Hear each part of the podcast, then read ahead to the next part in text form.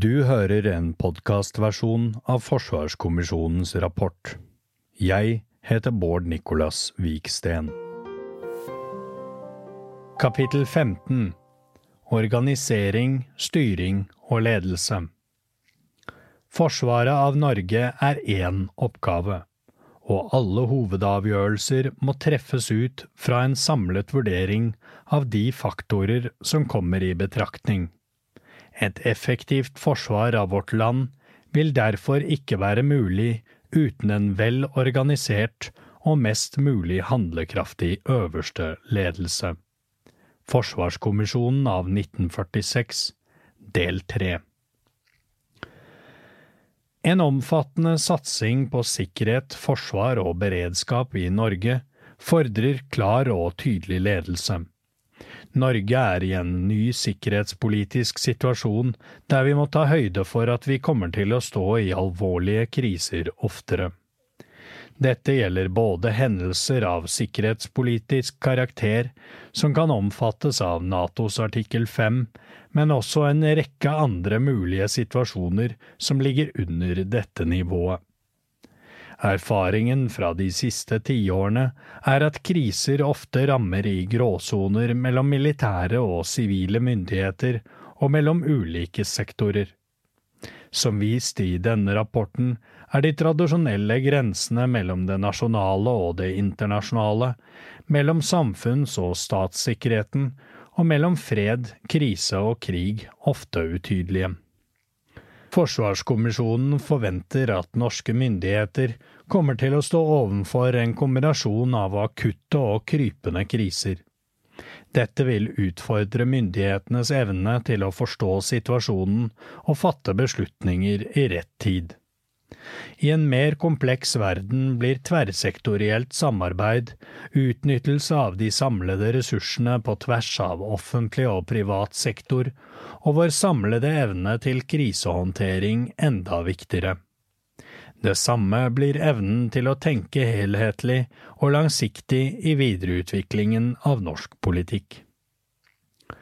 Dette kapitlet tar for seg organisering, styring og ledelse av sikkerhet, forsvar og beredskap på strategisk nivå. Styring og ledelse i Forsvarsdepartementet, Forsvaret og evnen til forsvarssektoren drøftes før perspektivet løftes til regjeringens rolle og evnen til tverrsektorielt samarbeid. Styring og ledelse i forsvarssektoren Krav til styring og ledelse. Som drøftet i kapittel tre står forsvarssektoren ovenfor alvorlige styringsproblemer. Dette er en sektor som i 2023 disponerer omtrent 80 milliarder kroner av samfunnets midler. Det er derfor en selvfølge at det stilles strenge krav til forvaltningen av disse midlene, og at det kommer tydelig til uttrykk i effekt og økt forsvarsevne. En rekke rapporter peker på at Forsvaret ikke får nok ut av pengene som blir tildelt. Det er store budsjettoverskridelser i flere prosjekter. Forsvaret klarer ikke å realisere moderniserings- og effektiviseringsmål. Innkjøpt materiell leverer ikke alltid som ønsket eller til rett tid. Det er en krevende situasjon for forsvarssektoren å være i, når det nå er behov for et omfattende løft utover gjeldende planer for å tilpasse seg alvoret i sikkerhetssituasjonen. Forsvarskommisjonen mener derfor at skjerpet kontroll, styring og ledelse i sektoren må ligge til grunn for styrking av forsvarsevnen. Forsvarsdepartementet konstaterer selv at det er for mange kompliserte prosesser, styringen er for fragmentert, gjennomføringsevnen er for dårlig, og at mye av dette skyldes uklare ansvarsforhold. Det er uklar arbeids- og ansvarsfordeling mellom departementet og etatene, mellom etatene og innenfor Forsvaret. Som en konsekvens av den brede tillitsreformen regjeringen har igangsatt i offentlig sektor, har Forsvarsdepartementet i 2022 til 2023 iverksatt en styringsreform som skal tydeliggjøre ansvarsdeling og skillelinjer mellom departementet og Forsvaret på den ene siden og mellom etatene i sektoren på den annen. Forsvaret skal få en tydeligere bestillerfunksjon, mens Forsvarsmateriell og Forsvarsbygg blir tjenesteleverandører til Forsvaret. Etatsstrukturen skal bevares, men rollen til hver etat rendyrkes. Tydeligere mål og resultatstyring skal gi forsvarssjefen økt myndighet til å styre ikke bare Forsvaret, men hele sektoren. Tillitsreformen i forsvarssektoren er i startfasen, og Forsvarskommisjonen tar ikke stilling til saken annet enn på prinsipielt grunnlag. Kommisjonens anliggende er å drøfte noen dilemmaer og understreke nødvendigheten av sterkt og helhetlig lederskap mellom departement og etatene i forsvarssektoren, og innad i Forsvaret og i de andre etatene. Styringsutfordringene i forsvarssektoren er ekstra alvorlige fordi det nå er behov for en hurtig og omfattende styrking av forsvarsevnen. Samtidig med dette må forsvarssektoren settes i stand til å forberede seg på det store teknologiske skiftet som vil komme med stor tyngde frem mot 2040. Dype teknologiske endringer vil fremtvinge ny organisering av militærmakten, med vekt på effekt og fleksibilitet til fordel for plattformer og forsvarsgrener. Slike endringer forutsetter en kvalitativ ny planmetodikk for anskaffelse, drift og operasjoner. Store styringsreformer i en ny formativ fase forutsetter også organisatoriske grep og kompetansebygging på sentrale områder. Det må sikres at både Forsvarsdepartementet og sektoren kan løse styringsproblemene og vil ha styringskraft til å håndtere de store utfordringene som ligger foran oss. Forsvarskommisjonen ser behov for at det gjennomføres en helhetlig og systematisk gjennomgang av de fire etatene i forsvarssektoren – Forsvaret, Forsvarsmateriell, Forsvarsbygg og Forsvarets forskningsinstitutt, med særlig oppmerksomhet på ansvarsfordeling og organisering. Økende kompleksitet gjør bedre tverrsektoriell situasjonsforståelse nødvendig og stiller økte krav til forsvarssektorens evne til å løse sine oppgaver. Det vil i økt grad være nødvendig med bred nasjonal koordinering og ansvarsdeling. Forsvarsdepartementets rolle og ansvar det er avgjørende med fortsatt tydelig politisk styring av militærmakten de neste 10–20 årene. Demokratisk kontroll med de væpnede styrker har i mange land vært en utfordring. I en tid der det må investeres mer i sikkerhet, forsvar og beredskap, er det viktig å bevare politisk og sivil kontroll med statens voldsmonopol. Forsvarssektoren må løse sine oppdrag og forvalte sine ressurser på en måte som skaper tillit, støtte og legitimitet i befolkningen. For Forsvarsdepartementet må dette lede til sterk og tydelig politisk styring av militærmakten. Sammen med Utenriksdepartementet er Forsvarsdepartementet ansvarlig for utforming og iverksetting av norsk sikkerhetspolitikk. Forsvarsdepartementet har også det overordnede ansvaret for forsvarspolitikken og styring og kontroll av andre etater i forsvarssektoren. Departementet er ansvarlig for overordnet styring og kontroll av underlagte etaters virksomhet. Som en del av den utøvende statsmakt fører FD tilsyn med etatenes virksomhet. Evaluering av ordningen med integrert strategisk ledelse er en problemstilling som har vært reist med jevne mellomrom, men nevneverdige justeringer har ikke funnet sted. Forsvarskommisjonen bemerker i kapittel tre at ISL begynte å forvitre tidlig, og at sentrale oppgaver som ble lagt til departementet som del av ISL-reformen, med årene igjen er flyttet ut av departementet. Kommisjonens inntrykk er at arbeidet som er igangsatt i forbindelse med den pågående styringsreformen i forsvarssektoren, innebærer at denne prosessen føres videre. Forsvarsdepartementet skal i større grad rendyrke sin rolle som sekretariat for politisk ledelse, med vekt på politikkutvikling og iverksetting av vedtatt politikk. Det fremholdes imidlertid at forsvarssjefen fortsatt bør inngå i departementets ledergruppe og være tett på de politiske prosessene. Forsvarskommisjonen vil i denne forbindelse understreke betydningen av tydelig ansvarsfordeling og sterkt politisk lederskap. I den tiden vi går inn i, er det for det første avgjørende at politisk ledelse er i stand til å holde forsvarssjefen, Forsvaret og de andre etatene ansvarlig.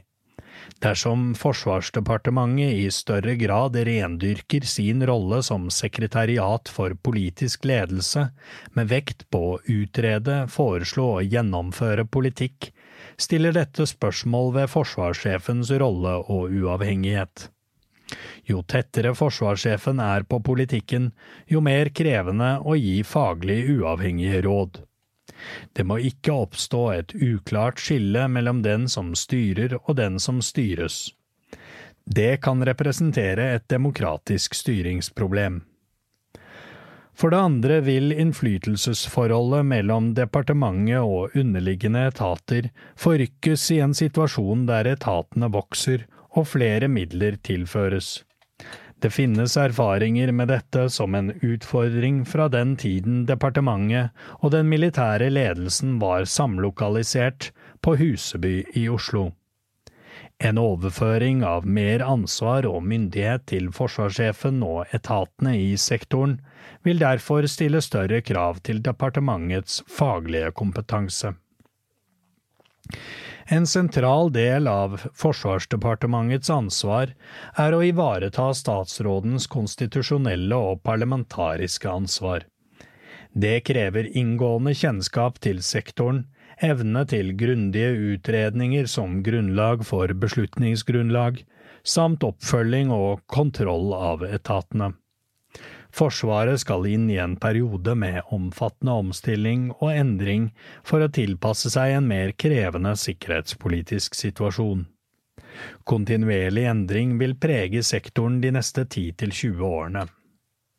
Reform er vanskelig å gjennomføre, og forankring til topps i organisasjonen er viktig for å lykkes. Dette gjør det nødvendig med et faglig sterkt og kompetent departement. I en tid med et mer alvorlig sikkerhetspolitisk bakteppe med flere og mer krevende situasjoner som må håndteres, vil departementet bli involvert i politikkutforming på svært mange politikkområder. Forsvarsdepartementet må engasjere seg i saker som er på høring fra andre departementer, på en mye mer systematisk måte.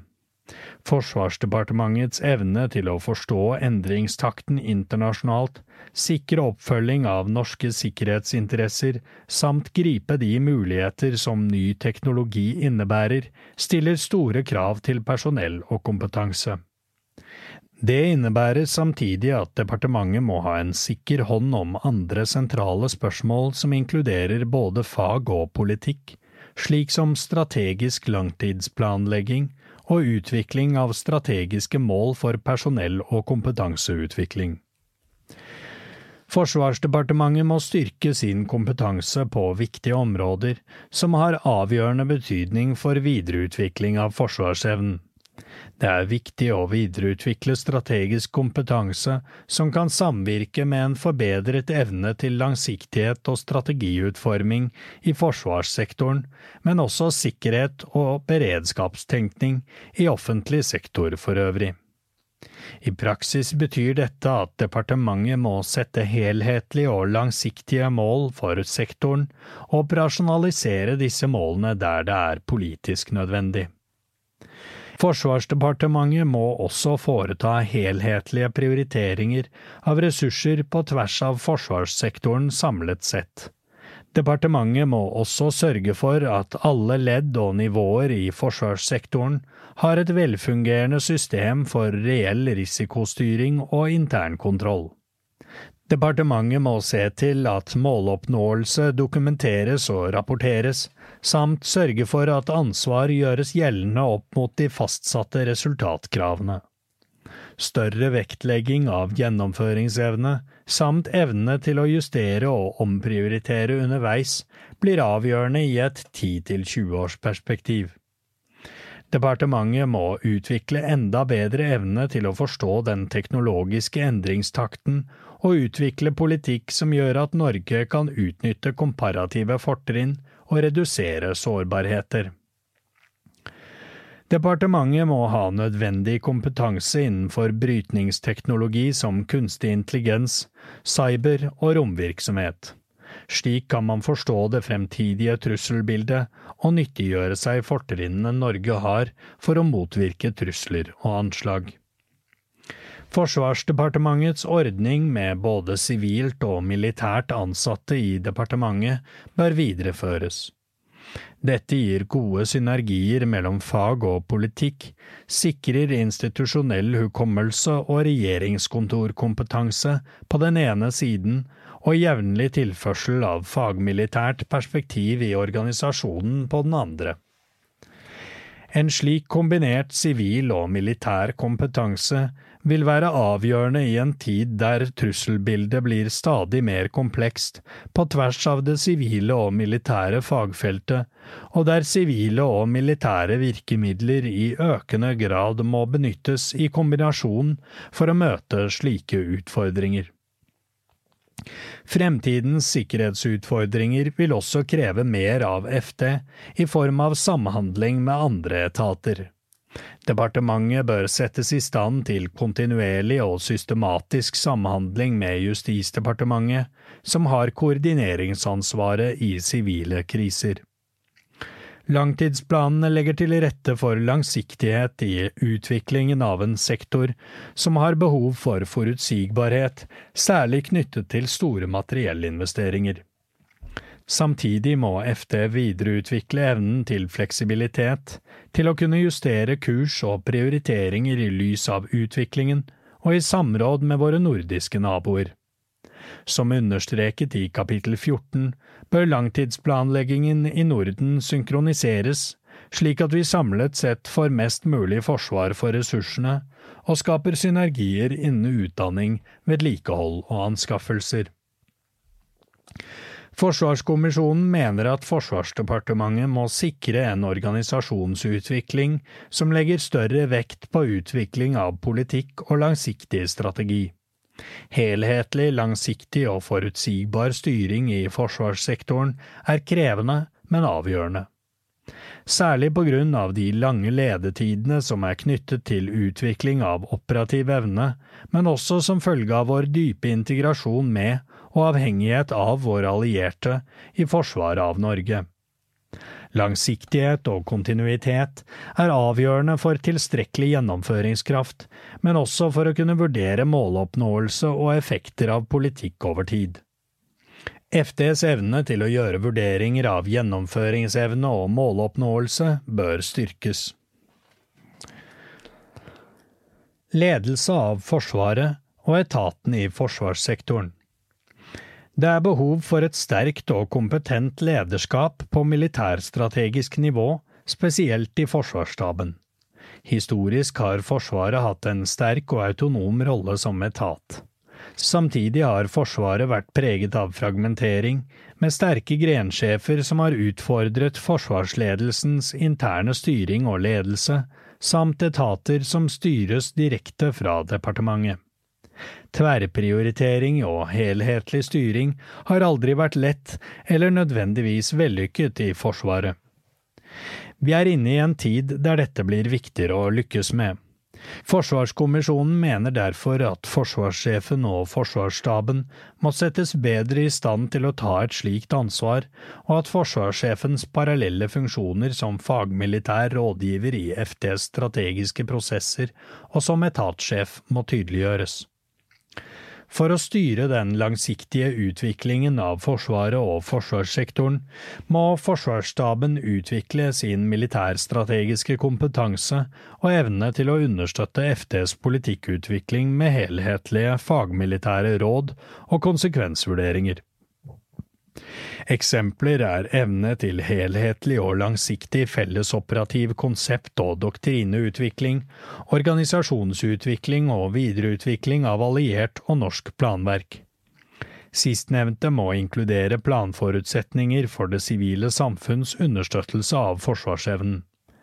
Dette innebefatter økt evne til koordinering med sivile myndigheter i krise og krig. Det er behov for en økt stabskraft på tvers av de tradisjonelle forsvarsgrenene. Forsvarsstaben bør tilføres ytterligere fellesoperativ kompetanse.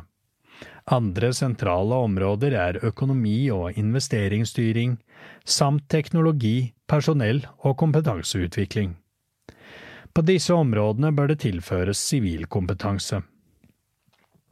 Forsvarsstaben må ressurssettes og utvikles på en måte som gjør organisasjonen i stand til å levere den typen strategiske fagmilitære råd regjeringen og FD vil ha behov for i en mer krevende sikkerhetspolitisk situasjon. Departementets tildelingsbrev har en generell karakter. Forsvarssjefen disponerer direkte en betydelig del av sektorens budsjett, og kan i hovedsak selv styre fordelingen av årsverk. I tillegg har forsvarssjefen med instruks en koordinerende myndighet på tvers av sektorens underliggende etater, med både rett og plikt til å ta initiativ til dialog med de andre etatssjefene. Dette handlingsrommet må etter kommisjonens vurdering utnyttes på en bedre måte enn i dag. Forsvarsstaben bør styrkes, både i antall personell og ved tilførsel av kompetanse for å kunne utvikle, planlegge og styre alle ressursområder og aktiviteter i Forsvaret og forsvarssektoren.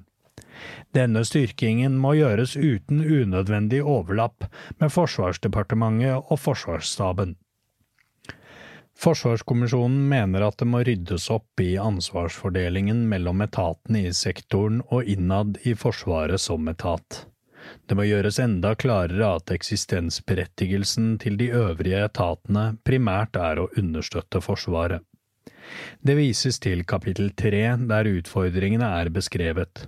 Forsvarskommisjonen mener at Forsvarsstaben i langt større grad bør konsentrere sin virksomhet om strategisk ledelse, med vekt på en koordinert og langsiktig utvikling av Forsvaret og forsvarssektoren for å oppnå de politiske målsetningene gitt av regjering og storting.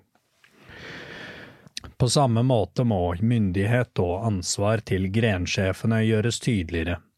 De må kunne utføre mange av sine oppgaver uten å være bundet av detaljerte krav om smått og stort fra utallige instanser. Tillitsreformen må også praktiseres fra forsvarsstaben ned i forsvarsgrenene og ut i Forsvaret.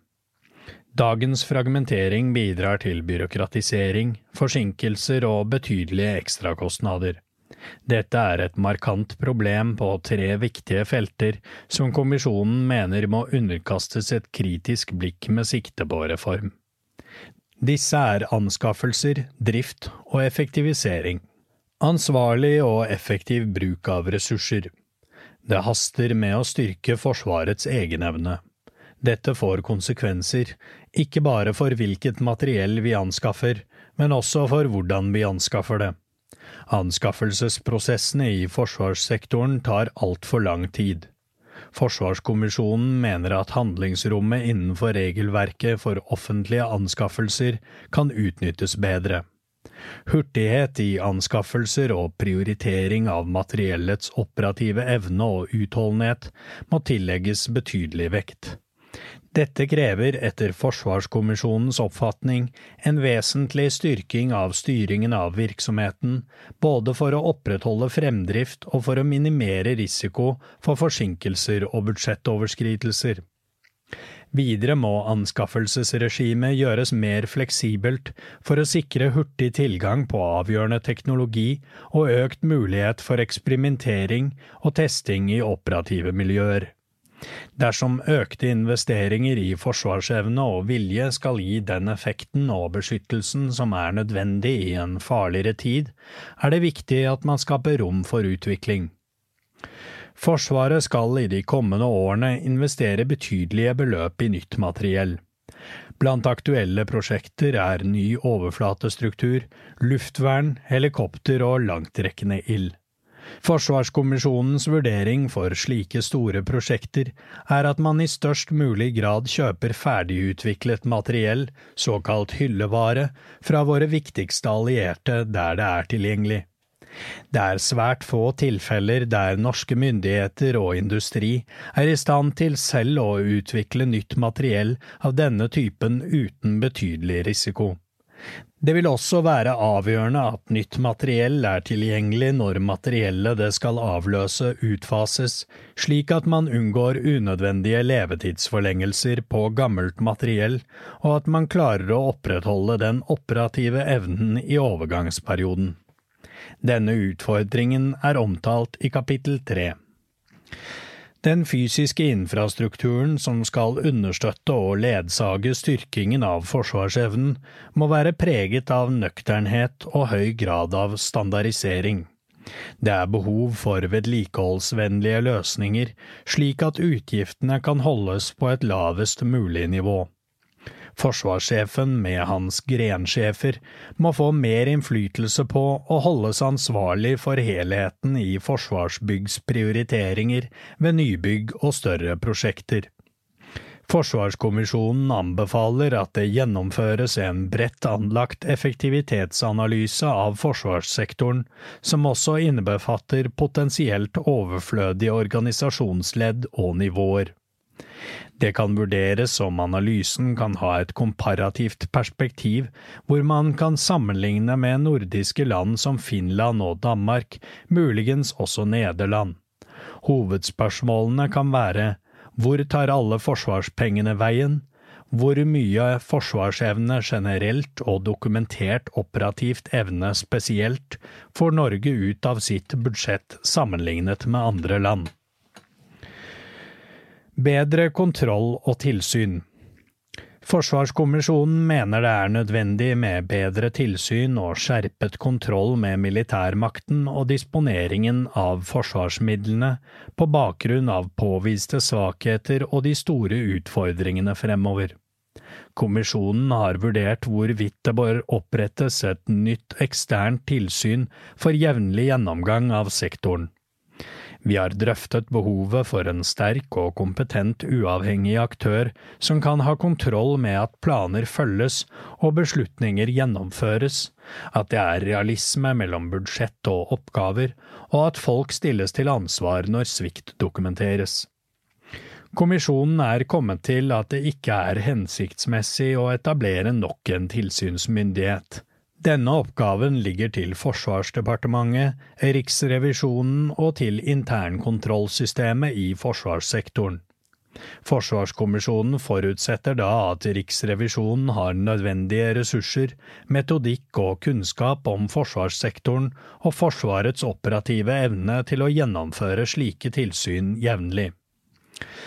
Forsvarskommisjonen anbefaler å videreutvikle et annet viktig verktøy for å styrke forsvarsevnen og kontrollere militærmakten, nemlig vurderingen av operativ evne, VOE. Forsvarssjefen utarbeider årlig en slik høygradert vurdering som forelegges regjeringen og presenteres for Stortinget. Hensikten med vurderingen er å informere om Forsvarets evne til å gjennomføre daglige operasjoner samt beredskap for krise og krig. Vurderingen inkluderer i dag en rekke faktorer slik som treningsnivå, materielltilgjengelighet, forsyningsberedskap, planverk, personell og kompetanse. Dette måles opp mot status og gjennomføring av gjeldende langtidsplaner. Ordningen er viktig, men heftet med uklarhet om formål og metode. Det er ikke opplagt verken for Forsvaret eller for norske politiske myndigheter hva som måles, hvordan og med hvilke forutsetninger. Skiftende regjeringer og forsvarssjefer har erkjent utfordringer med VOE-regimet, men det synes å være liten vilje til å gjøre dette til en reell målestokk for vurderingen av Forsvarets operative evne. Fra og med statsbudsjettet for 2022 er heller ikke Forsvarsdepartementets vurdering av operativ evne inkludert i budsjettproposisjonen til Stortinget.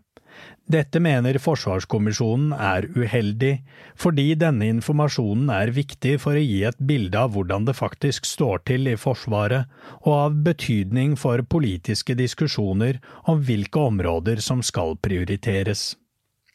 Kommisjonen mener at operativ evne bør få status som den sentrale målestokken i vurderingen av Forsvarets egenevne. Da må regimet forbedres på flere måter, på grentaktisk, fellesoperasjonelt og strategisk nivå. Det må ta opp i seg at Forsvaret i større grad enn i dag må innrettes for kontinuerlige operasjoner og kriser, noe som forutsetter at alle viktige sider ved operativ evne er med, også våpen og ammunisjon, reservedeler samt personellets kompetanse. Dette er ikke tilfellet i dag. Dernest må regimet bli mer transparent, dokumenterbart og etterprøvbart, som kan bidra til å redusere rommet for skjønn og bruk for bestemte formål. Forsvarskommisjonen anbefaler at det etableres en ny ordning for både utvikling og evaluering av VOE-regimet. Det bør benyttes ekstern kompetanse i utformingen, eksempelvis ressurspersoner fra andre nordiske land og NATO-staber. Dette kan kombineres med en jevnlig ekstern og uavhengig vurdering av operativ evne. Det må legges vekt på sporbarhet og transparens, og VOE bør i fremtiden inngå i sentrale dokumenter til Stortinget, og gjerne i gradert form. Gjennom dette etableres VOE som et viktig og pålitelig grunnlag som målestokk av forsvarsevne. Dette betyr også at man må ha et bevisst forhold til restrisiko og ha en plan for hvordan restrisiko skal håndteres. Stortingets rolle Det har gjennom tidene vært relativt bred konsensus om hovedlinjene i norsk sikkerhets- og forsvarspolitikk. Betydningen av dette blir ikke mindre i en tid der sikkerhetsutfordringene er flere. Det må fremover gjøres hardere prioriteringer om bruk av samfunnets samlede ressurser. De folkevalgtes tillit til forvaltningen er avgjørende for befolkningens tillit til staten. Betydningen av bred og offentlig debatt om sikkerhets- og forsvarspolitiske spørsmål er avgjørende for å opprettholde både forsvarsvilje og forsvarsevne. Det er også viktig for oppslutningen om viktige elementer i sikkerhets- og forsvarspolitikken, slik som totalforsvarskonseptet og verneplikten. Stortingets oppgaver er nedfelt i Grunnlovens paragraf 75 og omfatter lovgivning, bevilgninger, kontroll av den utøvende makt og drøfting av generelle politiske spørsmål. Sikkerhets- og utenrikspolitikken er regjeringens ansvar, men Stortinget spiller likevel en konstitusjonell rolle i sikkerhets- og forsvarspolitikken gjennom lovgivning, budsjett og ulike former for debatt. På denne måten sikrer også Stortinget demokratisk kontroll med forsvarsmakten etter at man fra 2001 endret praksis med å legge frem langtidsplaner i form av proposisjoner og ikke stortingsmeldinger, har vi sett en utvikling der det er større samsvar mellom oppgaver og bevilgninger. Et sentralt mål med endringen var å sikre at Stortinget fulgte opp langtidsplanene gjennom nødvendige bevilgninger. De folkevalgte måtte da vedta sentrale deler av planen og vurdere en helhetlig videreutvikling av forsvarssektoren. Som vist i kapittel to har bevilgningene til forsvarssektoren samsvart med forutsetningene i langtidsplanene fra og med langtidsplanen for perioden 2009 til 2012. Dette er avgjørende for å sikre tilstrekkelig langsiktighet og forutsigbarhet i videreutviklingen av forsvarssektoren.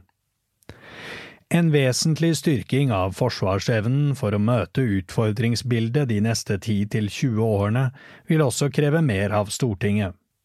Dette vil stille større krav til Stortingets kontrollfunksjon for bruk av militærmakten. Det vil også stille økte krav til de politiske partienes evne og vilje til å tenke strategisk, helhetlig og langsiktig om nasjonale interesser. Vårt system med valg hvert fjerde år, ettårige budsjettsykluser og et hendelsesstyrt og mediestyrt politisk ordskifte medfører at perspektivet i mange saker blir kortsiktig. Det gjør det mer krevende å samarbeide og finne kompromisser. Den store veksten i antall anmodningsvedtak fra Stortinget er et uttrykk for dette. Det samme gjelder oppmerksomheten som enkeltsaker har en tendens til å få i Stortingets spørretime og i skriftlige spørsmål til regjeringen. Dette er helt sentrale funksjoner i vårt demokrati, men bidrar til å føre både Stortinget og regjeringen i en reaktiv retning. Disse utviklingstrekkene gjelder alle politikkområder og er ikke særskilt for sikkerhets- og forsvarssektoren. Konsekvensene av dette blir likevel mer alvorlig for et politikkområde som fortjener langsiktighet og forutsigbarhet. En illustrasjon på denne utfordringen er da Stortinget vedtok en ny langtidsplan for forsvarssektoren i 2020. Da ble det lagt frem 24 forslag til vedtak fra seks ulike flertallskonstellasjoner. Dette er en indikasjon på at det er krevende å enes om hva som er viktig, at ambisjonen om å styre etter overordnede politiske mål ofte må vike, og at det utøves betydelig detaljstyring. Et av vedtakene, nummer 13, påla regjeringen å etablere ti nye spesialiststillinger i cyberforsvaret. Dette kan tyde på at det ikke bare er behov for en tillitsreform i forvaltningen, men også behov for økt tillit mellom partiene på Stortinget og regjeringen. Forsvarskommisjonen mener at Stortingets kontrollfunksjon blir viktigere i en tid der det skal brukes mer ressurser på sikkerhet, forsvar og beredskap. Det gjelder både for utenriks- og forsvarskomiteens arbeid, men også for Forsvarsombudet og EOS-utvalget. I tillegg til Riksrevisjonen er disse frittstående eksterne organene viktige virkemidler i Stortingets kontroll med regjeringen og forvaltningen.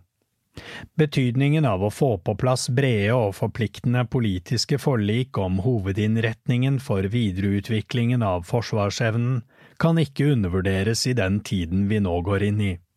Dette omtales nærmere i kapittel 16. Regjeringens organisering i fred, krise og krig Regjeringens rolle Diskusjonen om sikkerhets- og beredskapsarbeidet i Norge er organisert på riktig måte, er ikke ny. Debatten om organiseringen av nasjonal krisehåndtering har pågått med vekslende styrke i mange tiår, delvis som refleksjon av den generelle utviklingen i våre omgivelser, og delvis som reaksjon på akutte krisesituasjoner. Flere evalueringer av nasjonal beredskap og krisehåndtering, inkludert fem offentlige utredninger, er blitt gjennomført de siste årene, og en rekke anbefalinger er overlevert ulike regjeringer. Dagens organisering av sikkerhet, beredskap og krisehåndtering er blitt gradvis tilpasset situasjonen og lærdommene fra forrige krise. En tilbakevendende problemstilling er imidlertid behovet for bedre samordning for å sikre raske og gode beslutninger.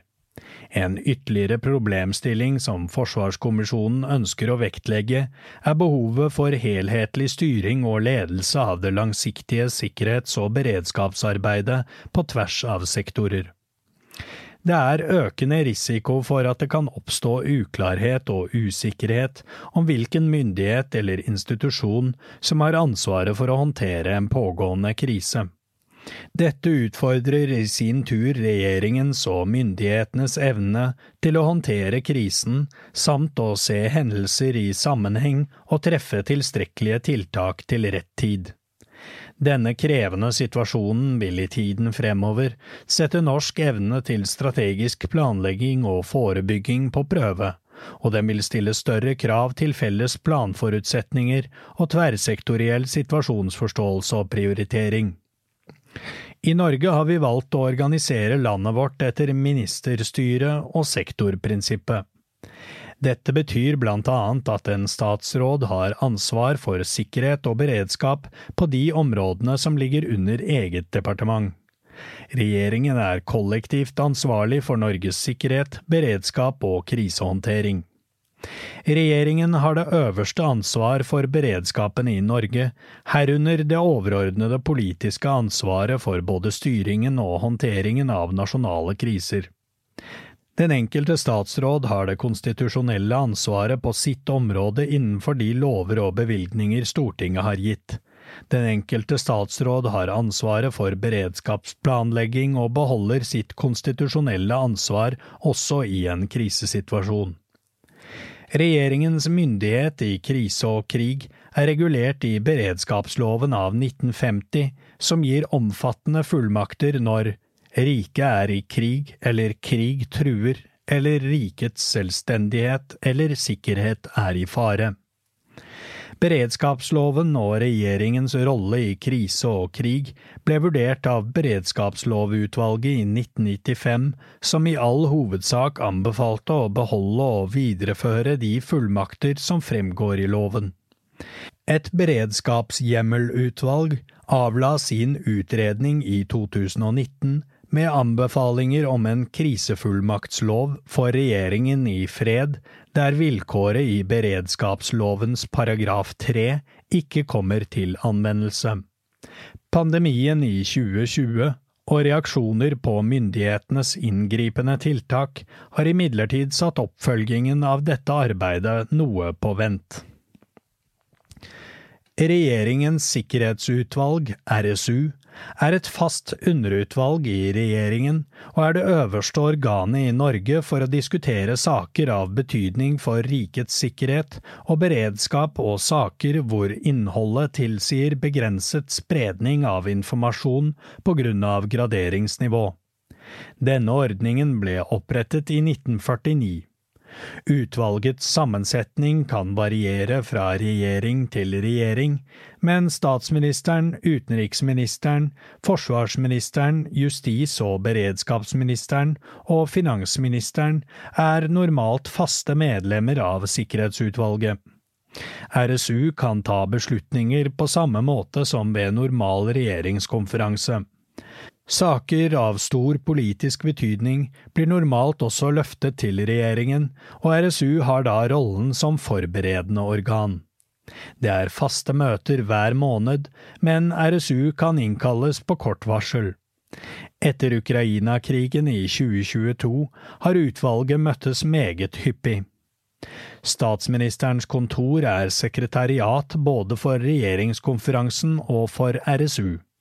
Embetsmenn og etatsledere kan innkalles til møtene, eksempelvis deltar EOS-tjenestene og etatsledere som forsvarssjefen regelmessig.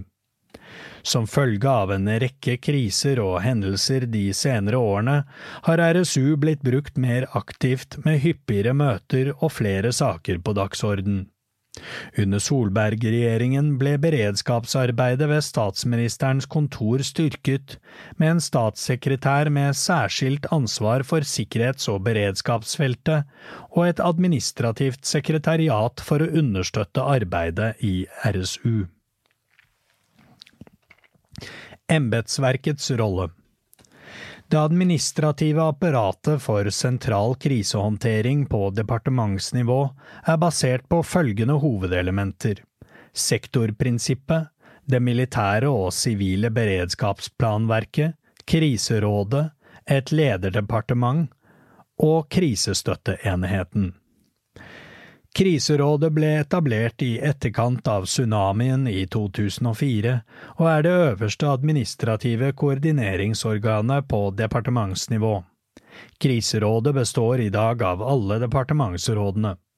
Rådet har som hovedfunksjon å sikre strategiske vurderinger, vurdere hvilket departement som skal være lederdepartement, sikre koordinering av tiltak som iverksettes av ulike sektorer, sikre koordinert informasjon til publikum, samt påse at spørsmål som krever politisk avklaring raskt, legges frem for departementenes politiske ledelse eller regjeringen, herunder avklaring av fullmakter og budsjett. I tillegg til å møtes i forbindelse med krisehåndtering, møtes rådet til faste administrative møter for å drøfte og forankre overordnede beredskaps- og krisehåndteringsutfordringer. Lederdepartementet har ansvaret for å koordinere håndteringen av en krise på departementsnivå. Det innebærer ikke endringer i konstitusjonelle ansvarsforhold. Det departementet som har ansvar for en sektor, har også ansvaret for beredskapsplanlegging og tiltak i en krisesituasjon. Vektige hensyn knyttet til utvelgelse av lederdepartementet i ulike episoder og kriser er omtalt i Samfunnssikkerhetsinstruksen fra 2017. Denne er imidlertid oppdatert noe etter at en mer helhetlig tilnærming til hvordan statssikkerhet og samfunnssikkerhet henger sammen, ble stadfestet i sikkerhetsloven fra 2018. Justis- og beredskapsdepartementet er fast lederdepartement ved sivile nasjonale kriser med mindre annet er bestemt. Utenriksdepartementet leder ved krisehendelser i utlandet som rammer norske borgere eller interesser. Ved sikkerhetspolitisk krise og væpnet konflikt vil Forsvarsdepartementet og Utenriksdepartementet ha et særskilt ansvar. Ordningen med fast lederdepartement kom som en oppfølging av 22. juli-kommisjonens rapport. Alle departementer må være forberedt på å ta rollen som lederdepartement, og ha kompetanse og kapasitet til å kunne ivareta rollen. Det inkluderer å ivareta og gjennomføre analyser, tiltak, koordinering og øvelser. Krisestøtteenheten, KSE, ligger i Justis- og beredskapsdepartementet og er permanent sekretariat for Kriserådet. KSE skal støtte lederdepartementene i deres krisehåndtering, og understøtter Justis- og beredskapsdepartementets samordningsrolle, annet gjennom et sivilt situasjonssenter. I tillegg har både Utenriksdepartementet og FD, Forsvarsstaben, egne situasjonssentre som er bemannet 24-7 både for å håndtere mindre enkelthendelser, men de er også satt opp til episode- og krisehåndtering når nasjonal sikkerhet er truet.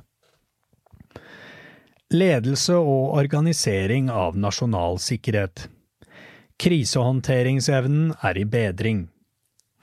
Flere nasjonale kriser har med ujevne mellomrom ført til ny debatt om den nasjonale krisehåndteringsevnen, og om organiseringen er god nok for store og komplekse utfordringer.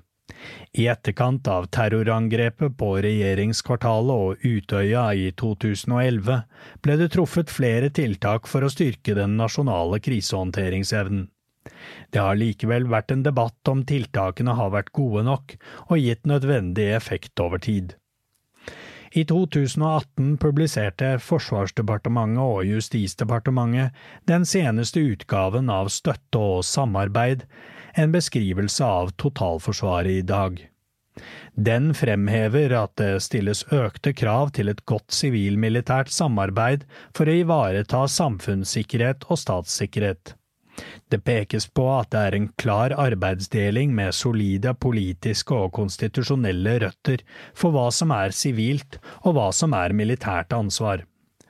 Regjeringen har det øverste ansvaret for å ivareta samfunnssikkerheten og statssikkerheten. Forsvaret har som oppgave å hevde Norges suverenitet og norske suverene rettigheter og forsvare landet mot ytre angrep. Det vil si å verne om statssikkerheten. Sivile myndigheter og aktører har ansvaret for å ivareta samfunnssikkerhet. Dette har vært den tradisjonelle forståelsen som ble mer nyansert fremstilt i sikkerhetsloven av 2019. I Støre-regjeringens plattform for 2021 fremgår det at man vil styrke samordningen av regjeringens arbeid med sikkerhet og beredskap, herunder tydeliggjøre rollene til regjeringens sikkerhetsutvalg og kriserådet som regjeringens samordnende organer i sikkerhets- og beredskapsarbeidet. Det er kommisjonens forståelse at det pågår en rekke tiltak på sentralt nivå for å tilrettelegge for bedre og mer strukturerte møter i RSU, hyppigere møter i kriserådet, tiltak for å styrke informasjonsdelingen og oppfølging av sikkerhets- og beredskapsarbeidet på tvers av departementsfellesskapet. Krisehåndteringsøvelser på strategisk nivå vil trolig bli tillagt større vekt, noe som er høyst nødvendig. Ulike ordninger med forsterkede strukturer knyttet til sikkerhet og beredskap har blitt forsøkt under flere regjeringer, herunder etablering av en dedikert statssekretær med ansvar for sikkerhet og beredskap ved statsministerens kontor. Kommisjonen konstaterer at det har vært et bevisst valg å ikke bygge opp større kapasitet eller tillegge mer ansvar for samordning av spørsmål knyttet til sikkerhet, forsvar og beredskap ved statsministerens kontor. Spørsmålet er om dagens organisering er tilstrekkelig robust til å håndtere et bredere og mer komplekst utfordringsbilde og samtidige kriser på tvers av sivil og militær sektor de neste 10–20 årene. Det er særlig evnen til å etablere og vedlikeholde felles situasjonsforståelse og evne til helhetlige vurderinger av risiko og konsekvenser på tvers av sektorer som synes å være en utfordring. Felles situasjonsforståelse er krevende. I møte med et mer sammensatt trusselbilde vil det være nødvendig å både styrke regjeringens situasjonsforståelse, men også dens evne til å ta helhetlige og velfunderte beslutninger. Kritikere av beredskapen i Norge vil si at det nasjonale gapet har økt mellom den reelle trusselen og sikkerhetsnivået i norske virksomheter og samfunnsfunksjoner. Sikkerhetstiltakene som er på plass i dag, er ikke dimensjonert for det reelle trusselbildet ikke minst fordi situasjonsforståelsen ikke er god nok. Det pekes på at det er særlig behov for å se på regjeringens rolle, inkludert hvordan departementene, sentrale etater og EOS-tjenestene best kan samhandle for å forstå og håndtere saker som berører nasjonal sikkerhet. Siden 2018 har behovet for omforent situasjonsforståelse vært pekt på som det sentrale tiltaket for å bedre håndteringen av sektoroverskridende sikkerhetsutfordringer i rammen av nasjonal sikkerhet. I november 2021 konkluderte regjeringen med at arbeidet ikke var kommet langt nok og igangsatte et arbeid for å styrke nasjonal situasjonsforståelse og samordning. Siden har flere tiltak vært forsøkt og utviklet, og ikke uten friksjon i sikkerhets- og etterretningsmiljøene. Forsvarskommisjonen erfarer at det blant beredskapsaktører ikke er en omforent forståelse av hva som ligger i begrepet felles situasjonsforståelse, og hvilket ambisjonsnivå som er realistisk. Som omtalt i kapittel 13 er etableringen av Nasjonalt etterretnings- og sikkerhetssenter, NESS, i 2022 et resultat av at ingen enkeltaktør kan fremstille et nasjonalt trusselbilde for regjeringen. Utviklingen av slike tverrsektorielle sentre føyer seg inn i rekken av tiltak de senere årene for å styrke samordningen og samarbeidet mellom EOS-tjenestene innen cyber og kontraterror. I tillegg til å understøtte strategisk nivå med mer helhetlige trussel- og risikovurderinger, bidrar slike sentre til å styrke evne og kultur for samarbeid og samordning på tvers av fagmiljøer, etater og sektorer. Arbeidet med å innrette hvordan regjering og sentralforvaltning bedre kan forstå og håndtere sikkerhetspolitisk risiko knyttet til nasjonale sikkerhetsinteresser og fremmede staters bruk av sammensatte trusler, pågår mens kommisjonen skriver sine vurderinger. Hovedutfordringen, slik Forsvarskommisjonen ser det, ligger i hvordan trussel- og risikovurderinger blir håndtert og omsatt til tiltak og politikk i sentralforvaltningen. Betydningen av mekanismer som kan bidra til økt langsiktig tenkning knyttet til trender, utviklingstrekk og verstefallsscenarioer, vil det bli mer behov for i fremtiden. Departementenes evne til å omsette trussel- og risikovurderinger fra tjenestene til politikkutvikling vil bli viktigere. Det samme vil evne til å dele trusselvurderinger med sivil sektor og lokalt og regionalt nivå. Flere mottakere av trusselvurderinger oppfatter disse som veldig generelle, og at de gir lite informasjon som kan omsettes til handling. EOS-tjenestenes utadrettede virksomhet generelt og opp mot virksomheter som ikke er omfattet av sikkerhetsloven, blir derfor viktigere. Styrking av langtidsplanlegging og strategiutvikling. Forsvarskommisjonen mener at de utviklingstrekk som er beskrevet i denne rapporten, fordrer at det tas grep i norsk sentralforvaltning for å tenke langsiktig, strategisk og helhetlig om sikkerhet, forsvar og beredskap. Regjeringen må i større grad evne å se fremover og ha en bred tilnærming til sikkerhet på tvers av ulike fag- og forvaltningsområder. Politikkutviklingen i dag er i for stor grad basert på respons på hendelser som har funnet sted, i stedet for å forebygge at sikkerhetstruende hendelser oppstår eller redusere sårbarheter. I en mer usikker fremtid blir det viktigere å tenke gjennom handlingsalternativer før ting skjer, og ha tilstrekkelig fleksibilitet til å anvende et bredt spekter av virkemidler for å motvirke eller håndtere hendelser når de inntreffer. Videre er det viktigere enn før å sikre nasjonal dimensjonering og kalibrering i sikkerhets- og forsvarspolitikken på tvers av det departementale fellesskapet. De fleste hendelser vil også kunne ha en internasjonal dimensjon. Betydningen av kontakt med allierte land må ikke undervurderes. Langtidsplaner er viktige virkemidler for å skape langsiktighet i utviklingen av forsvarssektoren. Som vist i kapittel 13 mener Forsvarskommisjonen at det også er behov for større langsiktighet i planlegging av sivil beredskap og videreutviklingen av de ulike komponentene i totalforsvarskonseptet, samt for en samordning av sivilt og militært planverk. Dette er en problemstilling vi har drøftet med totalberedskapskommisjonen. Videreutviklingen av totalforsvaret må ha en strategisk retning, og det må skje gjennom langtidsplanprosesser som sikrer en helhetlig og proaktiv samfunnstilnærming. Tiltak for å styrke statssikkerheten og samfunnssikkerheten må sees i sammenheng slik at samfunnets samlede ressurser kan utnyttes best mulig. Forsvarskommisjonen mener at det bør utarbeides en nasjonal sikkerhetsstrategi for å sikre en helhetlig tilnærming til Norges målsetninger og prioriteringer på tvers av sektorer. Sektorinteresser og helhetlig samordning Styrken ved måten Norge har valgt å organisere vår sentralforvaltning på, er at det ikke skal herske tvil om det konstitusjonelle eller operative ansvaret, verken i mindre eller større kriser. Sektorprinsippet er en sentral del av Norges statsskikk. Ansvaret følger fagkunnskapen, og linjene blir kortere og krisehåndteringen kanskje mer effektiv.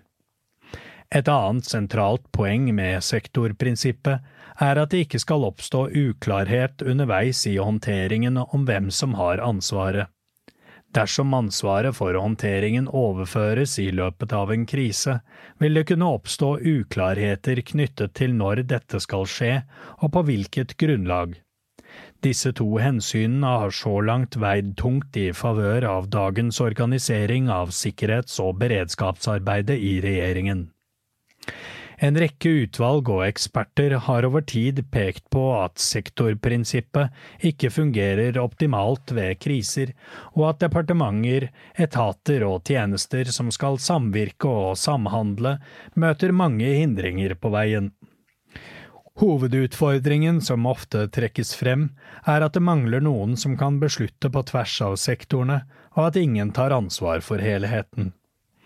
Koronakommisjonens evaluering påpekte at Regjeringen har i beredskapsarbeidet ikke tatt hensyn til hvordan risiko i én sektor avhenger av risikoen i andre sektorer. Et beredskapssystem som er basert på at hver sektor skal vurdere egen risiko og sårbarhet, svikter når ingen har tatt ansvar for å vurdere summen av konsekvensene for samfunnet som helhet. Det er behov for å utvikle et sektorovergripende system som fanger opp hvordan risikoen i de ulike sektorene påvirker hverandre gjensidig. Dette er et læringspunkt for beredskapen generelt. Et sentralt budskap fra evalueringen av pandemien er manglende forståelse for de samlede samfunnskonsekvensene, og at risikovurderinger i for stor grad blir værende i hver sin silo. Sektorprinsippet vil by på utfordringer for tverrsektoriell krisehåndtering i årene fremover, og særlig i en situasjon der flere kriser inntreffer samtidig og varer over tid. Vi kan ikke utelukke at sektorprinsippet kollapser i en verden der alt blir mer komplekst og sammenvevd. Organisatoriske hindringer kan skape siloorganisering der hver enkelt sektor har egne definerte ansvarsområder, IKT-systemer og ressurser som ikke lar seg kombinere med andres. Etablering av sektorvise responsmiljøer illustrerer dette. Kulturelle utfordringer oppstår mellom fagfelter som har ulike utdanninger, snakker ulikt fagspråk, bruker ulike arbeidsformer og er preget av ulik kultur. Økonomiske utfordringer stammer fra begrensede ressurser, som fører til en nedprioritering av samarbeid og skaper en konkurranse om midler mellom sektorer. Utfordringen med å skaffe til veie tilstrekkelige ressurser, både tid, personell og økonomi, til gjennomføring av tverrsektorielle øvelser illustrerer dette. Øvelser bidrar til å vedlikeholde og videreutvikle aktørenes kunnskap om hverandre. I en tid der det blir enda viktigere å prioritere hva offentlige budsjetter skal brukes på, må fremtidige regjeringer klare å se den totale ressursbruken på sikkerhet, forsvar og beredskap i sammenheng. Tunge sektorinteresser og kulturer får lett feste i hver sine departementer. De som arbeider innenfor ett fagdepartement, vil lett regne saker som tradisjonelt hører hjemme der, som sine. Dels i den forstand at det er de som sitter med det primære ansvaret, men også slik at andre bør holde seg unna. Revirkamper er ikke uvanlig. Sterke sektorinteresser kan også bidra til at større problemstillinger som i utgangspunktet er plassert hos andre systematisk undervurderes og nedprioriteres. Slike underliggende utfordringer øker norsk sårbarhet overfor villet påvirkning og aggresjon, og gjør norsk respons mindre helhetlig og effektiv. Det er behov for mekanismer som sikrer større politisk forutsigbarhet og langsiktig tenkning på tvers av sektorer. Forsvarskommisjonen mener derfor at tiden er inne for å revurdere og tilpasse organisering, styring og ledelse på øverste nivå i sentralforvaltningen. Tiltak for nasjonal styring og ledelse Tilpasse organiseringen på strategisk nivå til en ny tid. Norges sikkerhets- og beredskapsorganisering på nasjonalt nivå gir på den ene siden en tydelig ansvars- og oppgavefordeling, men innebærer på den andre siden risiko for uklarhet rundt ansvar og manglende samordning. Innretningen av regjeringens og sentrale myndigheters håndtering av trusler mot nasjonal sikkerhet må være tverrsektoriell, langsiktig og proaktiv. Et gjennomgående trekk ved håndtering av hendelser, situasjoner og kriser de siste årene er at de fremstår som reaksjoner på allerede inntrufne hendelser. Dette på tross av at hendelsene er godt innenfor tenkbare scenarioer eller var varslet. Pandemien er et eksempel på en varslet krise som det ikke var planlagt tilstrekkelig for. Sabotasjen mot gassrørledningene i Østersjøen og droneflygninger ved kritisk infrastruktur er eksempler på hendelser mange mener man ikke burde blitt overrasket over og burde ha planlagt bedre for. Mange utvalg og eksperter har pekt på at det er vesensforskjell mellom å koordinere og lede. Siden norske myndigheter nå står ovenfor et mer sektoroverskridende og dypere alvor for nasjonal sikkerhet, mener Forsvarskommisjonen tiden er inne for å gjøre overordnede grep og tiltak for å styrke regjeringen og sentrale myndigheters evne til å lede, styre og planlegge og utvikle politikk for krisehåndtering, sikkerhet og beredskap. Det trenger ikke bety utvikling av nye strukturer, men kan være tiltak som forsterker eller bygger ut eksisterende mekanismer. Et hovedmål må være å styrke myndighetenes evne til å lede, analysere og prioritere ressurser og tiltak for ulike krisescenarioer på lengre sikt. Et annet mål er å forbedre evnen til mer proaktivt å forme Norges omgivelser og øke norsk handlefrihet i tråd med norske strategiske interesser. Dette er drøftet i kapittel 11. En ny nasjonal sikkerhetsstrategi.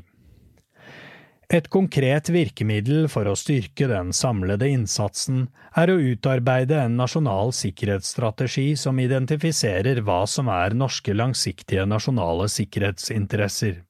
Flere sektoroverskridende utfordringer og statstrusler som rammer Norge i fred, utfordrer tradisjonelle ansvarslinjer og evnen til å forfølge nasjonale målsetninger i fellesskap. Et trusselbilde med bred virkemiddelbruk gjør det nødvendig med en mer helhetlig strategisk tilnærming til hvilke utfordringer Norge kan rammes av, hvilke tiltak som kan fattes for å forebygge slike, og hvilke tiltak som må forberedes i tilfelle krisen inntreffer. En omfattende styrking av den samlede forsvarsevnen vil i seg selv kreve tydelig strategisk styring fra øverste nivå og på tvers av sektorer.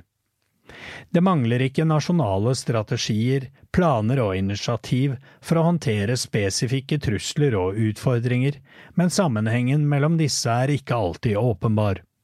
Trusselaktørene har en stadig mer omfattende verktøykasse tilgjengelig.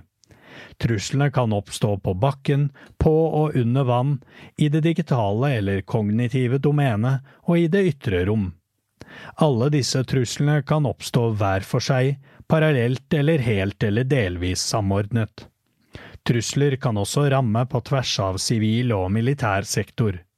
Både på tross av og på grunn av manglende strategisk kultur i norsk sentralforvaltning er det nødvendig med en helhetlig tilnærming til nasjonal sikkerhet, slik at de ressurser vi har finner sammen til riktig tid og på riktig måte. Flere sentrale allierte har eller er i ferd med å utvikle en nasjonal sikkerhetsstrategi. I strategiene foretas en bred og sammensatt analyse av ulike sikkerhetstrusler, det trekkes opp ulike scenarioer, og det foreskrives tiltak for å motvirke og forhindre truslene.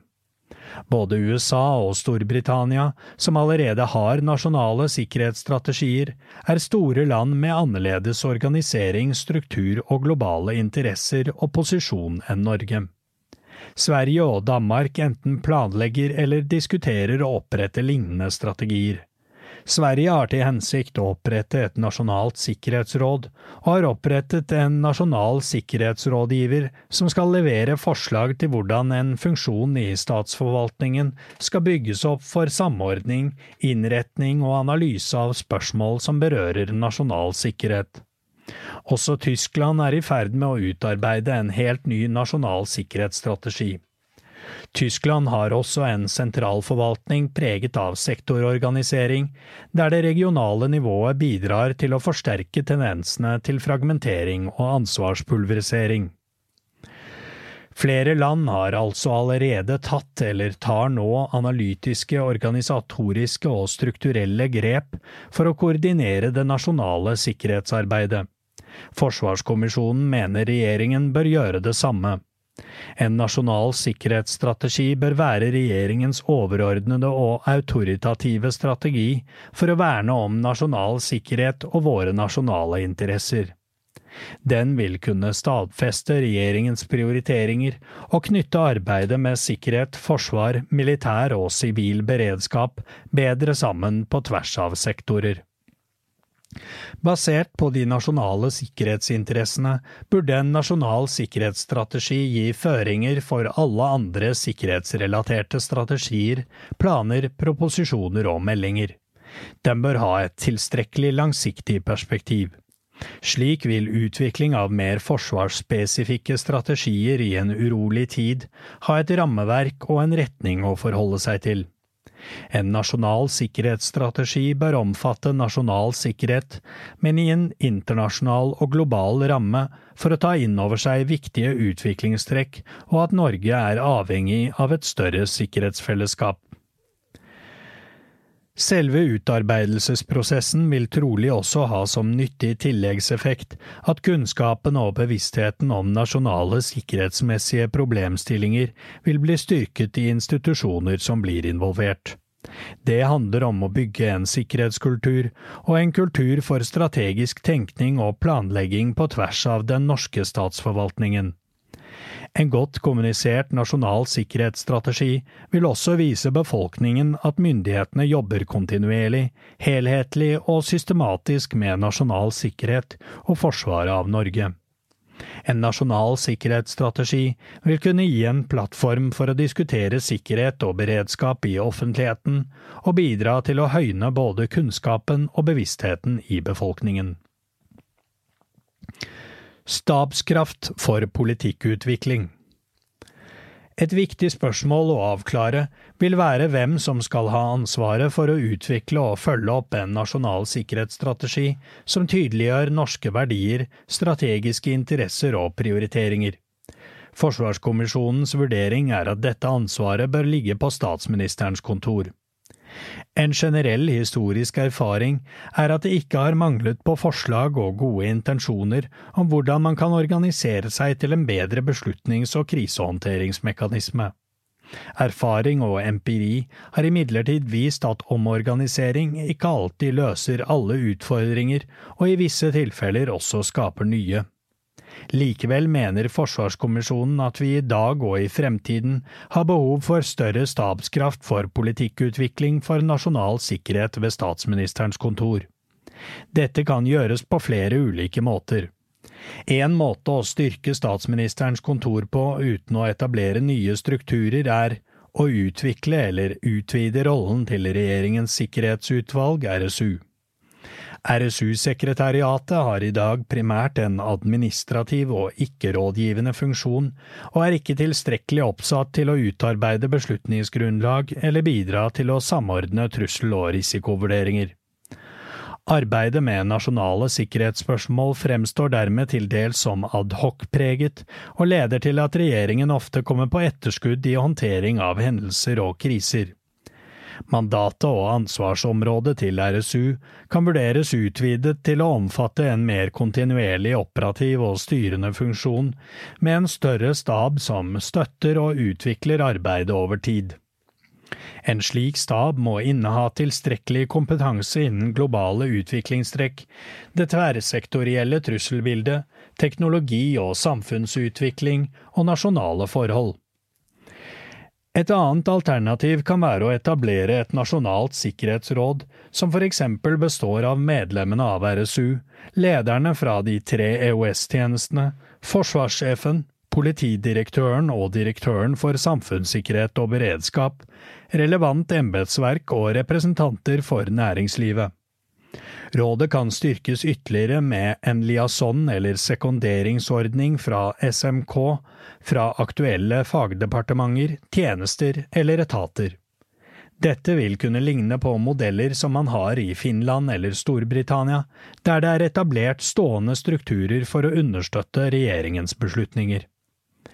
Det finnes flere mulige modeller for sammensetning og mandat for et utvidet RSU eller et nasjonalt sikkerhetsråd, men det er viktig at dette tilpasses grunntrekk ved vår sentralforvaltning, og at man unngår tvil om roller, ansvar og myndighet.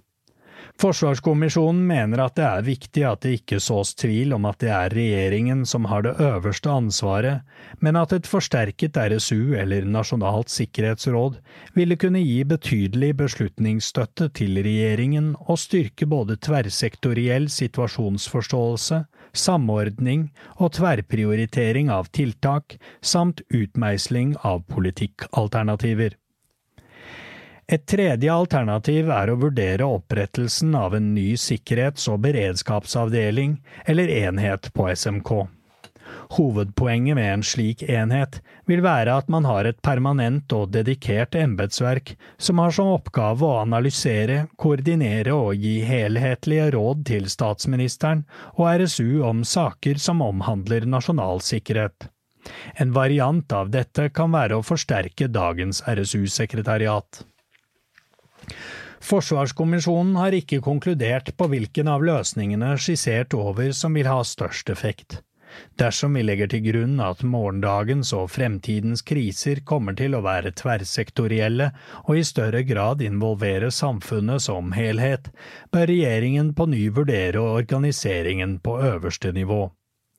Mange andre land har dedikerte roller på øverste nivå som nasjonal sikkerhetsrådgiver, annet USA og Storbritannia. Sverige opprettet denne funksjonen i november 2022.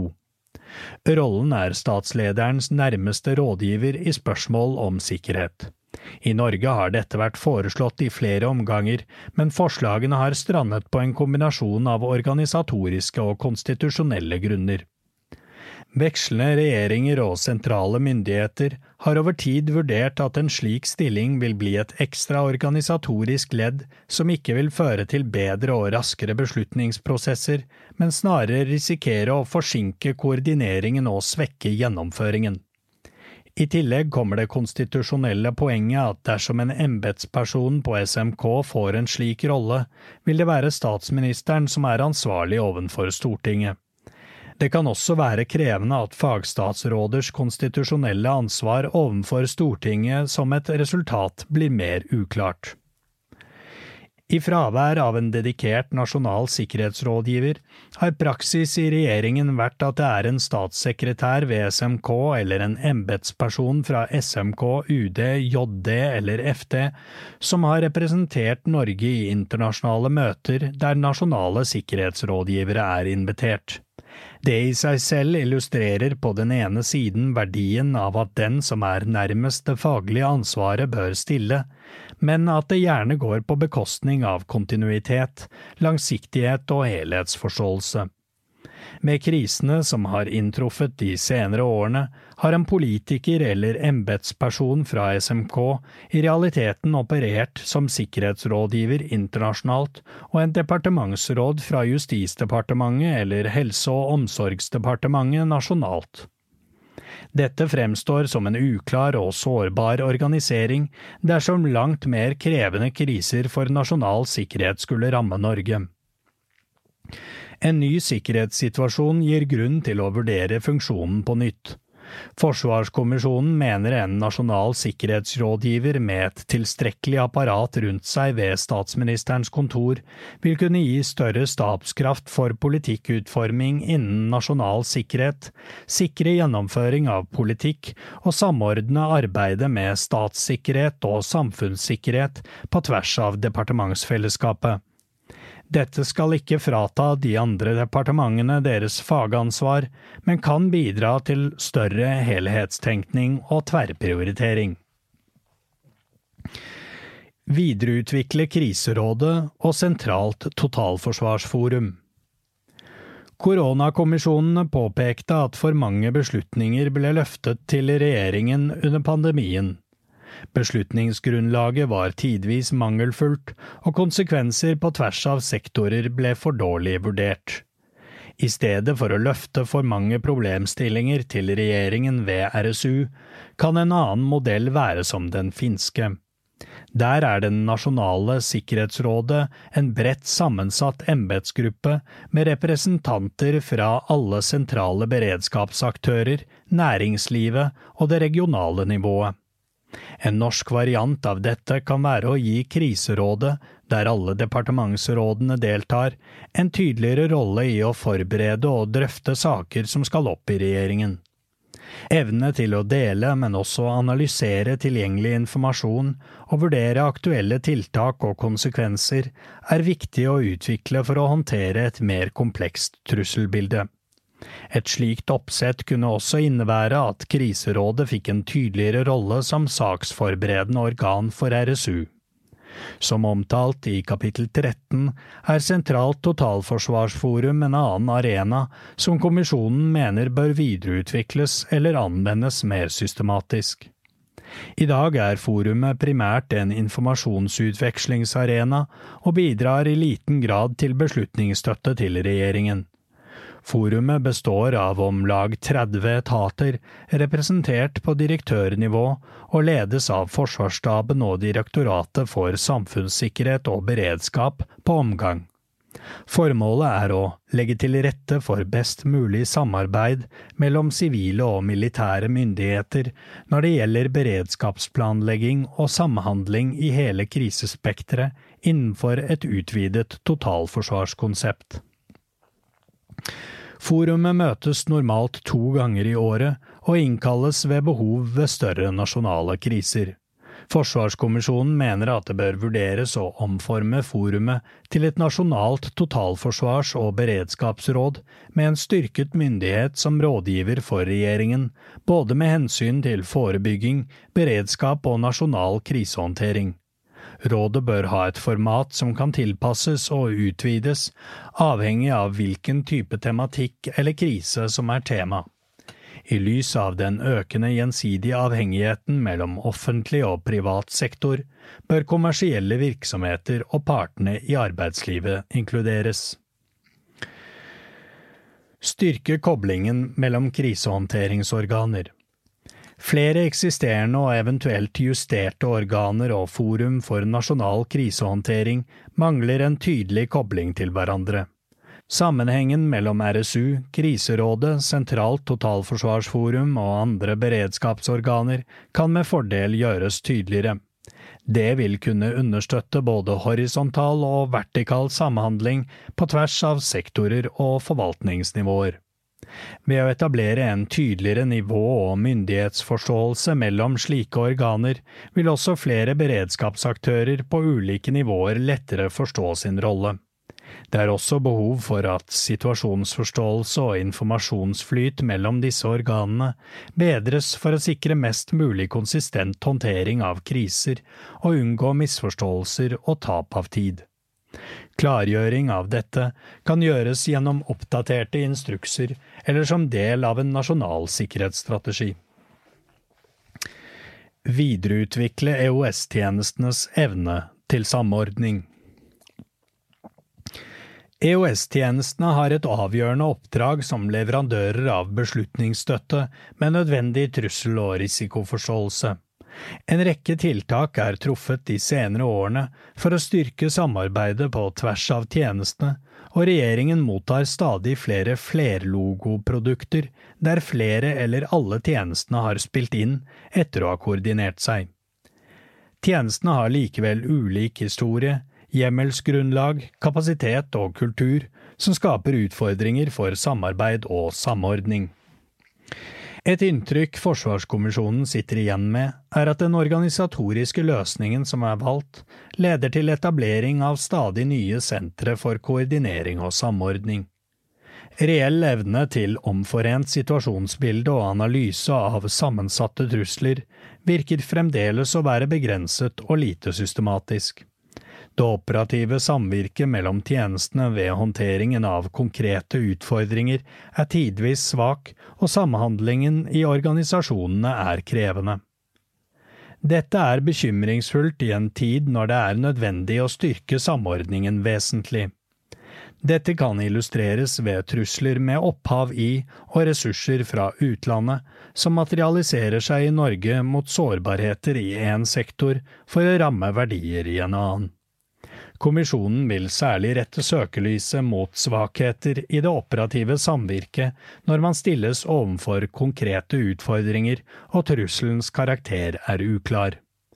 Terroraksjonen i Oslo 25.6.2022 demonstrerte kjente utfordringer med samordning. Inspirert av modellen hos enkelte allierte vil kommisjonen anbefale at det institueres som arbeidsform at det ved potensielt alvorlige, uklare trusselsituasjoner etableres integrerte team av medarbeidere fra tjenestene og andre berørte som kan samordne operasjonen basert på full tilgang til all relevant informasjon fra ulike kilder. Ved hendelser eller kriser i Norge vil det primært være PST som leder slike team, mens Etterretningstjenesten vil ha et tilsvarende ansvar i utlandet. Kommisjonen vil understreke betydningen av at EOS-tjenestene har fungerende samordnings- arenaer, slik at mest mulig helhetlig og relevant informasjon når frem til beslutningstakere i en form som bidrar direkte til situasjonsforståelse og beslutningsstøtte. Ytterligere grep som bidrar til å løse opp i utfordringer ved eksisterende rammebetingelser og ansvarsfordeling mellom EOS-tjenestene, men også andre aktører som kan bidra til å identifisere, forstå og vurdere trusler mot nasjonal sikkerhet, kan bli nødvendig. Det er et behov for enda bedre samarbeid og samordning av analyse og trusselmetodikk på tvers av dagens EOS-tjenester for å utbedre evnen til å samvirke på tvers. Kommisjonen mener at kontrollen med EOS-tjenestene blir viktigere. I tråd med en videre styrking av SMK bør det vurderes å styrke den etterretningsfaglige kompetansen på øverste nivå. Dette vil være en del av en styrket evne til å understøtte politikkutforming på nasjonalt nivå. En EOS-funksjon ved SMK bør ha ansvar for å belyse etterretningsfaglige dimensjoner ved politikk og strategiutforming, og sørge for at rettidig og relevant etterretningsfaglig analyse ligger til grunn. Den vil også kunne bidra til å sørge for etterretningsfaglig utredning og understøttelse av politikkutforming på nasjonalt nivå. Ved å være en del av staben på SMK vil man i større grad kunne forstå regjeringens behov. Mange andre land har en etterretningsfaglig nøkkelfunksjon tilknyttet sitt øverste ledelsesnivå, men de er gjerne større systemer eller har mange flere tjenester som skal koordineres og samordnes, eksempelvis i USA. I norsk sammenheng vil en egen etat etter modell fra disse reise en rekke spørsmål knyttet til rolle, ansvar og myndighet overfor EOS-tjenestene. En etterretningsfunksjon ved SMK med representasjon fra de ulike tjenestene vil kunne understøtte en styrket stabskraft innen nasjonal sikkerhet, som skissert over, der tettere dialog med de etterretningsfaglige miljøene sikrer best mulig informasjons- og analysegrunnlag for norsk politikkutforming. Kommisjonens vurdering en omfattende satsing på sikkerhet, forsvar og beredskap er avhengig av tydelig ledelse og styring fra øverste nivå i statsapparatet. Flere utvalg og kommisjoner har over tid påpekt både alvorlige og gjentatte svakheter ved Norges evne til å håndtere og koordinere innsatsen i kriser, samt manglende evne til å prioritere det langsiktige og helhetlige arbeidet med sikkerhet og beredskap. Regjeringens evne til ledelse og styring før og under kriser må styrkes, og mer kraft må legges inn i det langsiktige og forebyggende arbeidet med politikkutvikling. Sammenlignet med mange andre land har Norge svakere tradisjoner for å arbeide helhetlig og langsiktig i politikkutviklingen. Det gjelder særlig på tvers av sektorer. Dette henger sammen med at Norge er et lite land, og at strategisk tenkning i liten grad preger vår tradisjon, vårt utdanningssystem eller vår forvaltning. For å bygge en sterkere strategisk kultur trengs en styrking av etablerte samhandlingsarenaer på sentralt, regionalt og lokalt nivå. Forsvarskommisjonen har konsentrert oppmerksomheten mot det sentrale nivå, mens Totalberedskapskommisjonen går nærmere inn i hva dette betyr for lokalt og regionalt nivå. Evnen til å systematisere og analysere utviklingstrekk, tenke gjennom det utenkelige og vurdere forebyggende tiltak må styrkes og gi effekt til alle nivåer. Det er behov for sterkere styring og ledelse. Det gjelder fra regjeringsnivå til det tverrsektorielle, til forsvarssektoren og til alle nivåer i Forsvaret. I den tiden vi går inn i, er tydelig ansvarsfordeling og sterkt politisk lederskap nødvendig. Det er avgjørende at politisk ledelse i Forsvarsdepartementet er i stand til å holde forsvarssjefen, Forsvaret og de andre etatene ansvarlig. Det må ryddes opp i ansvarsfordelingen mellom etatene i sektoren og innad i Forsvaret som etat. Større vektlegging av gjennomføringsevnen samt evne til å justere og omprioritere underveis blir avgjørende. Evne til langsiktig og strategisk tenkning samt kompetanse på internasjonalt samarbeid, teknologi og det ytre rom bør prioriteres i departementet og Forsvarsstaben. Forsvarssjefen må få en tydeligere rolle i styringen av forsvarssektoren. Forsvarssjefens vurdering av operativ evne må i større grad baseres på realistiske vurderinger av forsvarsevnen og innrettes for kontinuerlige operasjoner og kriser. Dette forutsetter at alle viktige sider ved operativ evne er med. Vurderingen bør bli mer transparent, dokumenterbar og etterprøvbar. Forsvarskommisjonen mener Norge trenger en nasjonal sikkerhetsstrategi. Et bredere og mer alvorlig utfordringsbilde fordrer samlende styring og ledelse fra øverste nivå. Det er behov for en mer helhetlig strategisk tenkning rundt hvilke interesser som skal forsvares, hvilke utfordringer Norge kan treffes av, og hvilke tiltak som kan iverksettes for å forebygge. Med utgangspunkt i Norges nasjonale sikkerhetsinteresser bør en nasjonal sikkerhetsstrategi utarbeides for å gi retning og føringer for sikkerhetsrelaterte strategier, planer, proposisjoner og meldinger i alle sektorer. Utarbeidelse av en sikkerhetsstrategi bør ledes fra statsministerens kontor, og strategien bør ha en langsiktig horisont med jevnlige oppdateringer. Stabskraften på sikkerhet, forsvar og beredskap ved statsministerens kontor må styrkes. Dette er viktig for å sette regjeringen i stand til å videreutvikle helhetlig politikk og håndtere kriser. Det må satses på personell og kompetanse innen sentrale fagfelt som nasjonal sikkerhet, inkludert teknologi. En vurdering av organiseringen av SMK bør inkludere å forsterke og utvikle regjeringens sikkerhetsutvalg, og opprette et eget nasjonalt sikkerhetsråd, og opprette en nasjonal sikkerhetsrådgiver, eller en egen sikkerhets- og beredskapsavdeling. Forsvarskommisjonen ser et tydelig behov for å tilpasse dagens organisering til et større alvor og en mer helhetlig tilnærming til sikkerhet, forsvar og beredskap. Tverrsektoriell krisehåndtering bør styrkes ved å utvide kriserådets rolle og mandatet til Sentralt totalforsvarsforum. For å analysere tilgjengelig informasjon og vurdere aktuelle tiltak og konsekvenser i et stadig mer komplekst trusselbilde, bør Kriserådet utvides slik at det blir en bredt sammensatt embetsgruppe med representanter fra alle sentrale beredskapsaktører, næringslivet og det regionale nivået. Dette vil styrke analysearbeidet og lede til bedre og bredere beslutningsgrunnlag for Kriserådet og regjeringen. Sentralt totalforsvarsforum bør videreutvikles til et nasjonalt totalforsvars- og beredskapsråd med styrket myndighet som rådgiver for regjeringen, både med hensyn til forebygging, beredskap og nasjonal krisehåndtering. Dette rådet bør ha et fleksibelt format som kan tilpasses og utvides, og der utvalgte kommersielle virksomheter og partene i arbeidslivet inkluderes.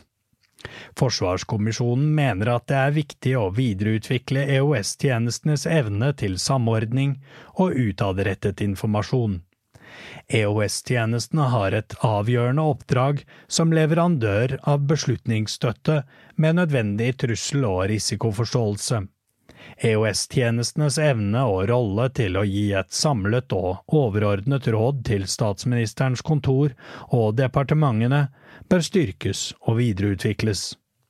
Det er behov for å styrke det utadrettede arbeidet med tverrsektoriell situasjonsforståelse på lokalt, regionalt og sentralt nivå.